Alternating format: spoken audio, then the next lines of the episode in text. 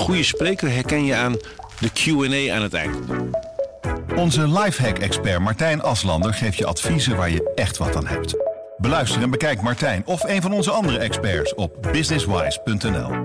Businesswise, het nieuwe platform voor iedereen met ambitie. Dit is de AD Nieuws Update met Manuel Venderbos. In Afghanistan heeft de Taliban de macht overgenomen. Dit deden ze in het eh, presidentiële paleis in Kabul. De hoofdstad die de islamitische fundamentalisten voor een groot deel onder controle hebben. Buitenlandverslaggever Bob van Uwet. Wat is het laatste nieuws eh, uit Afghanistan? Uh, het laatste nieuws is toch wel een beetje chaos. En dat dan vooral rond het vliegveld van Kabul, waar zoveel mogelijk mensen proberen weg te komen. Het laatste nieuws is onzekerheid in de grote steden. En rust op het platteland. Dat is stad van zaken. Groot, groot contrast. Groot contrast, ja. ja. Had toch niemand verwacht dat Kabul zo snel zou worden ingenomen? Nee, zo snel echt niet. Want uh, toevallig vorige week was er een uh, spraakmakend verhaal in de Washington Post. En die zeiden dat de militairen op het Pentagon ervan uitgingen dat het binnen zes maanden Kabul zou kunnen vallen. En heel misschien drie maanden. Dus 90 dagen hadden ze het over. Nou, het is iets meer dan negen dagen gebleken. Ja, hoe, hoe verrassend is dat? Het is heel verrassend.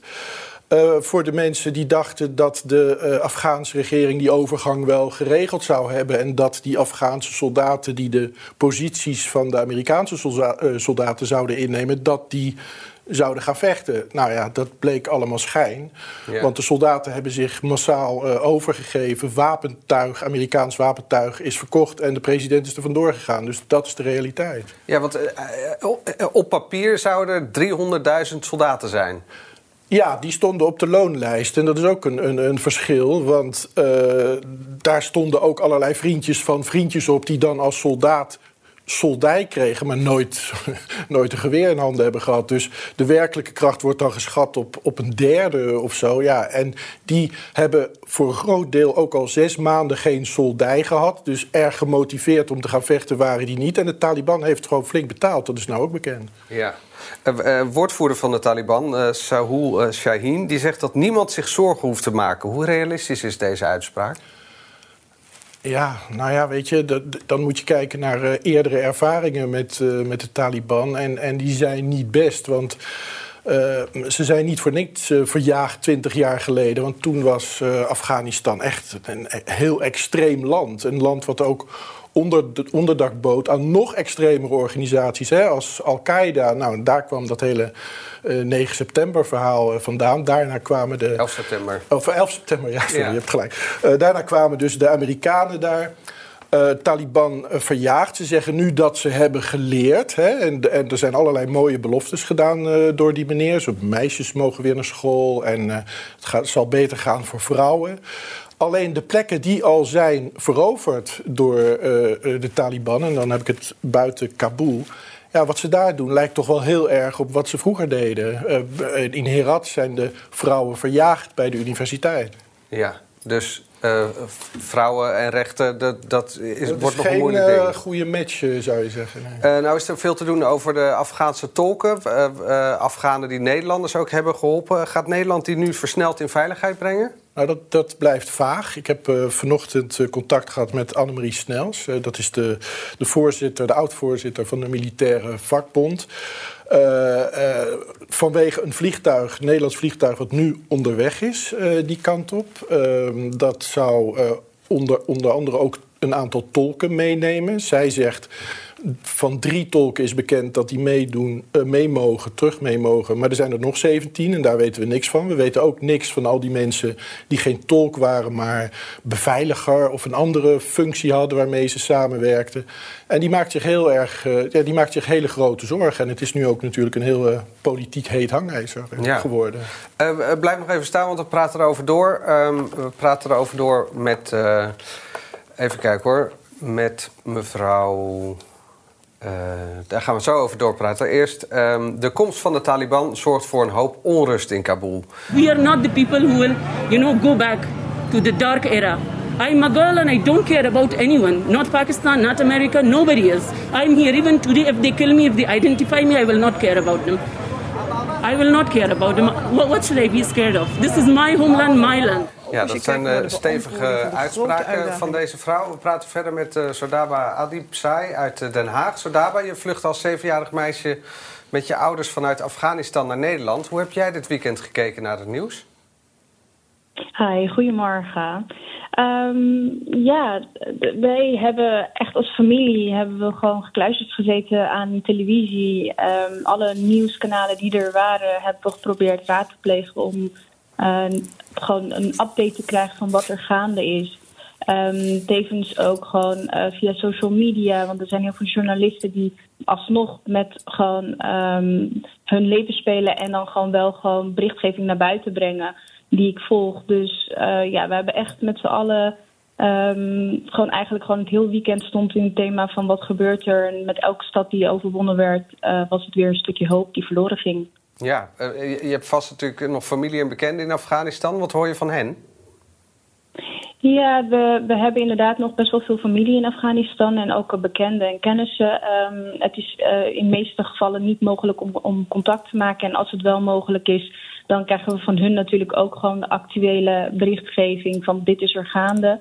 Um, we hebben wel gehoord dat er in Afghanistan, in Kabul, echt chaos was. Um, uh, de wegen naar uh, de vliegvelden waren helemaal gewoon um, geblokkeerd. Uh, er waren heel veel mensen die het land wouden ontvluchten. Er was natuurlijk chaos op het vliegveld zelf. Um, dus dat zijn ja, de berichtgevingen die wij ook krijgen vanuit familie en uh, kennissen. Nou gaf de Taliban gisteren aan dat ze niemand zullen dwingen om naar hun regels te leven. Je sprak je vorige week ja. uit over de positie van vrouwen en meisjes in het land. geloof mm -hmm. je eigenlijk het statement van de Taliban? Nee, het, het zal best wel naïef zijn om, om deze mensen te geloven. Hetzelfde als dat je gewoon een, uh, een moordenaar op zijn woord gelooft dat hij het niet nog een keer doet die al vier andere mensen heeft vermoord al in een korte tijd. Dus nee, ik geloof ze zeker niet op hun woord. En het is denk ik ook wel gewoon een, een beetje een schijn, omdat ze natuurlijk erkend willen worden door de westerse gemeenschap en uh, door andere landen als een erkend uh, legitiem regering. Dus ik denk dat wat zij gewoon voorheen hebben gedaan, ook op het platteland, inderdaad, wat ik net hoorde in de studio, dat laat al zien dat, dat ze niet veranderd zijn, dat hun ideologie nog steeds hetzelfde is. En um, als je luistert naar de verhalen van de vluchtelingen die vanuit andere steden of andere dorpen naar Afghanistan zijn gekomen, die verschrikkelijke verhalen vertellen over dochters die weg zijn genomen, zonen die vermoord zijn, waarbij de schoondochters gehuwd zijn aan Taliban-strijders. Um, ik geloof ze echt voor geen meter. Nee, zeker niet. Uh, tot slot, wat, wat kan jij nou vanuit Nederland betekenen voor het Afghaanse volk? Um, wat, wat ik nu voornamelijk gewoon echt gewoon heel belangrijk vind, is dat inderdaad de mensen die de Nederlandse bevolking en de Nederlandse organisaties en de Nederlandse regering hebben geholpen daar, dat die gewoon terug worden gehaald. Um, ik vind dat Nederland daar gewoon wel wat coulanter in kan zijn en ook menselijker in kan zijn. Uh, als ik hoor dat er 17 tolken zijn en drie daarvan mogen paar terugkomen en daarnaast rekenen niet de chauffeurs of beveiliging, et cetera, dan um, is dat wel iets wat, wat best wel kwalijk is. Um, en daarnaast, wij hebben 28 april organiseren alle Afghanen internationaal een demonstratie, ook in Nederland. Dat zal op de Dam zijn. Um, en verder uh, uh, ja, gegevens je zegt daarover. 28 april, maar je, je, bedoelt misschien ja. 28 augustus. Augustus, sorry, mijn ja. excuses. Ja, 28 augustus, ja. 28 augustus, inderdaad. Dus um, de um, verdere gegevens die zullen gewoon naar buiten komen en uh, via social media. Als iedereen dat in de gaten wil houden. Wij hopen dat mensen gewoon achter Afghanistan en voor de Afghanen opkomen. Zoals ze dat voor alle andere landen hebben gedaan die het nodig hadden. Sodaba, dankjewel voor je, voor je toelichting. Ja, jij ook. Bedankt. De westerse interventie in Afghanistan duurde bijna 20 jaar en kostte de VS bijna 1000 miljard dollar. Toch wisten de Taliban binnen enkele weken het land zonder slag of stoot te veroveren. Amerika-kenner Victor Vlam, goedemorgen. Manuel, goedemorgen. Uh, president Biden die besloot eerder dit jaar de Amerikaanse troepen in Afghanistan voor 31 augustus naar huis te halen. Hoe wordt uh, daar nu naar dit besluit gekeken in Amerika? Nou, er is uh, ontzettend uh, veel kritiek. En voor de duidelijkheid, die kritiek gaat niet op het feit dat uh, Biden besloten heeft om de troepen terug te trekken. Want dat is iets wat echt door veel Amerikanen wordt gesteund. Ongeveer 6 op de 10 Amerikanen staat erachter. Maar er is wel heel veel kritiek op de manier waarop Biden dat heeft gedaan. Het feit dat bijvoorbeeld niet kwetsbare Afghanen, zoals tolken en beveiligers van de Amerikanen, dat die niet eerst het land zijn uitgehaald. Ja, dat is iets wat heel veel mensen toch wel heel gek vinden. Ook het feit dat, dat, dat er een compleet verkeerde inschatting is gemaakt over de kracht van het uh, Afghaanse leger. Ja, dat is toch wel echt ongelooflijk bijzonder. Dat is wel heel erg slecht te noemen. Dus er lijkt heel weinig planning te zijn geweest. En dat is iets wat veel mensen uh, Biden kwalijk nemen. Een van die mensen die dat Biden kwalijk neemt, dat is oud-president Donald Trump. Hij heeft vannacht een uh, statement, een kort statement uh, afgegeven. Daarin heeft hij uh, zelfs het aftreden van Biden geëist vanwege het feit dat Biden dit volgens hem zo heeft verprutst. nou ja, goed, dit is in ieder geval één voorbeeld van de, de vele kritiek die er op dit moment is in de Verenigde Staten. Dat is gek toch, dat Trump kritiek heeft, want hij heeft zelf eigenlijk al een deal gesloten met Afghanistan. Ja, nee, zeker. Ja, kijk, weet je, het lastige aan deze situatie is dat uh, Biden uh, nu veel kritiek krijgt voor wat hij heeft gedaan. Maar er zijn natuurlijk uh, vier Amerikaanse presidenten die president zijn geweest tijden van deze Afghanistan-oorlog. En al deze vier presidenten die dragen een verantwoordelijkheid voor wat er gebeurd is. je kan zeggen dat president Bush te ambitieus was. Dat er plannen waren om van, Amerika, van Afghanistan een democratie te maken. Wat volstrekt niet realistisch is gebleken natuurlijk. Obama was misschien te aarzelend, twijfelend over wat hij ermee moest doen, is uiteindelijk te besluiteloos geweest. Uh, en Trump heeft een deal gesloten met de Taliban, die eigenlijk de basis vormt voor de terugtrekking die vandaag plaatsvindt, waar uh, Amerika bijzonder weinig heeft gekregen van de Taliban. Dus wat dat betreft hebben alle vier de afgelopen presidenten toch wel enige schuld aan wat er is gebeurd. Uh, Bob, jij stak net je hand op. Ja, ja, ja, je had het net, hoi Victor, je had het net over die, um, over die, die, die, die chaotische aftocht, uh, zullen we maar zeggen. Maar een van de dingen die, die nu uh, fataal blijkt te zijn geweest... de Amerikanen hadden een hele grote luchtmachtbasis... even boven Kabul, Bagram. En daar zijn ze midden in de nacht zomaar met stille trom vertrokken... ongeveer uh, anderhalve maand geleden. En dat heeft niemand begrepen. En toen was de Taliban al in opmars. En nu heb je dus dat ene vliegveld, dat ene burgervliegveld. En daar moeten nu met helikopters vanuit de ambassade naartoe worden gevlogen. Het lijkt wel Vietnam weer, hè? of dat overnieuw gebeurt. Dat is toch een enorme blunder geweest? Ja, ik ben het er helemaal mee eens dat het absoluut een hele grote uh, blunder is. Uh, met uh, mogelijk ook grote schade. Want je geeft eigenlijk de Taliban een enorme propaganda-overwinning. Zij kunnen zeggen dat op 11 september 2021, 20 jaar na de aanslagen van 11 september, zij de Amerikanen uit Afghanistan hebben verdreven. Uh, dus wat dat betreft is het inderdaad heel erg pijnlijk om dat uh, te zien. Uh, het had ook voorkomen kunnen worden. want ik denk een van de opties die lange tijd is, een serieuze optie is geweest in de Verenigde Staten, die besproken daar is geweest, is om een klein deel van de Amerikaanse troepen daar in Afghanistan te laten blijven. dan moet je bijvoorbeeld denken aan 2500 troepen, net iets minder dan er zaten op het laatste in Afghanistan. En dat is dan ja, net genoeg om te zorgen dat het Afghaanse leger backup heeft om te zorgen dat ze die Taliban-strijders in ieder geval uh, zoveel mogelijk kunnen afhouden. Ja. Uh, ja, als je vandaag naar de situatie kijkt, lijkt dat niet eens zo'n slechte optie natuurlijk. Aan de andere kant, je zei uh, Obama is een beetje besluiteloos. had hij dan toch misschien na de dood van Osama bin Laden gewoon uit Afghanistan moeten vertrekken?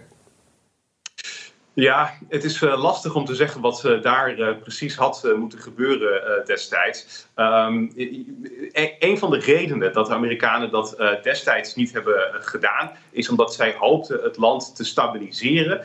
om daarmee te voorkomen dat er een voedingsbodem zou zijn voor een nieuw Taliban-regime. Nou, dat is een gedachte die natuurlijk niet helemaal tot uiting is gekomen. Misschien was dat een klein beetje een naïeve gedachte. Maar er is wel heel veel gedaan om Afghanistan te ontwikkelen als land. Er is echt, uh, ja, er heeft veel plaatsgevonden daar. Uh, ik zat eens even naar de cijfers te kijken. Kindersterfte is bijvoorbeeld gehalveerd sinds uh, 2002.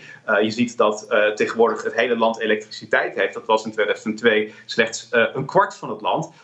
en je ziet ook natuurlijk dat vrouwen tegenwoordig naar school mogen, onderwijs mogen volgen dat is iets wat toen de tijd niet mocht. Dus er zijn grote stappen gezet. Uh, die stappen hebben vooralsnog niet betekend dat er geen voedingsbodem meer is voor de Taliban. Want die is er absoluut kennelijk nog wel. Ja. Uh, maar ja, de, de, de, vraag is misschien. Uh, gaat dat een mildere vorm van de Taliban opleveren, dat moeten we echt op dit moment nog zien. Maar de hoop van de Amerikanen was dat die ontwikkeling geen voedingsbodem zou creëren voor de Taliban.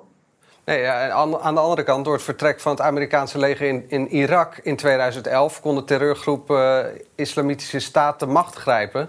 Heeft de VS hier dan helemaal niks van geleerd?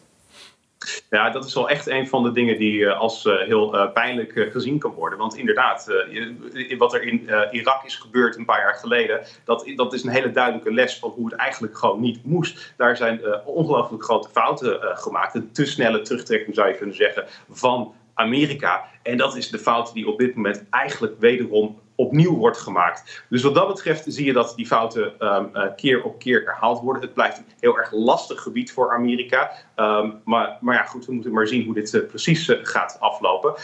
er is een heel pessimistisch scenario en misschien één iets minder pessimistisch scenario. Het zou bijvoorbeeld ook kunnen zijn dat de Taliban ook wel les heeft geleerd van de afgelopen twintig jaar. het zou kunnen zijn dat zij zich beseffen dat op het moment dat zij opnieuw een veilige haven bieden aan terroristen, dat ze er dan als regime aangaan. Nou, dat zou kunnen betekenen dat ze dat misschien niet opnieuw doen. Dat zou eventueel winst kunnen zijn. Uh, maar goed, het is moeilijk op een dag zoals vandaag om optimistisch te zijn. Uh, Victor Vlam, uh, dankjewel voor je toelichting. Bob, kort, hoe moet het nu verder met Afghanistan? Alles hangt af, wat Victor zegt, van hoe de Taliban zich opstelt. En een punt is ook dat er is ook zoiets als een Afghaanse economie.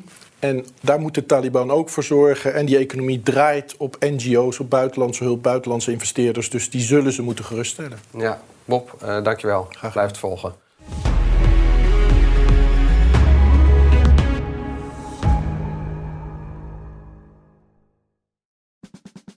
Luister ook naar onze podcast Politiek Dichtbij. In een half uur praten we hierbij over de stand van zaken op het Binnenhof. En niet alleen vanuit de wandelgangen in Den Haag, maar ook vanuit een regionaal perspectief.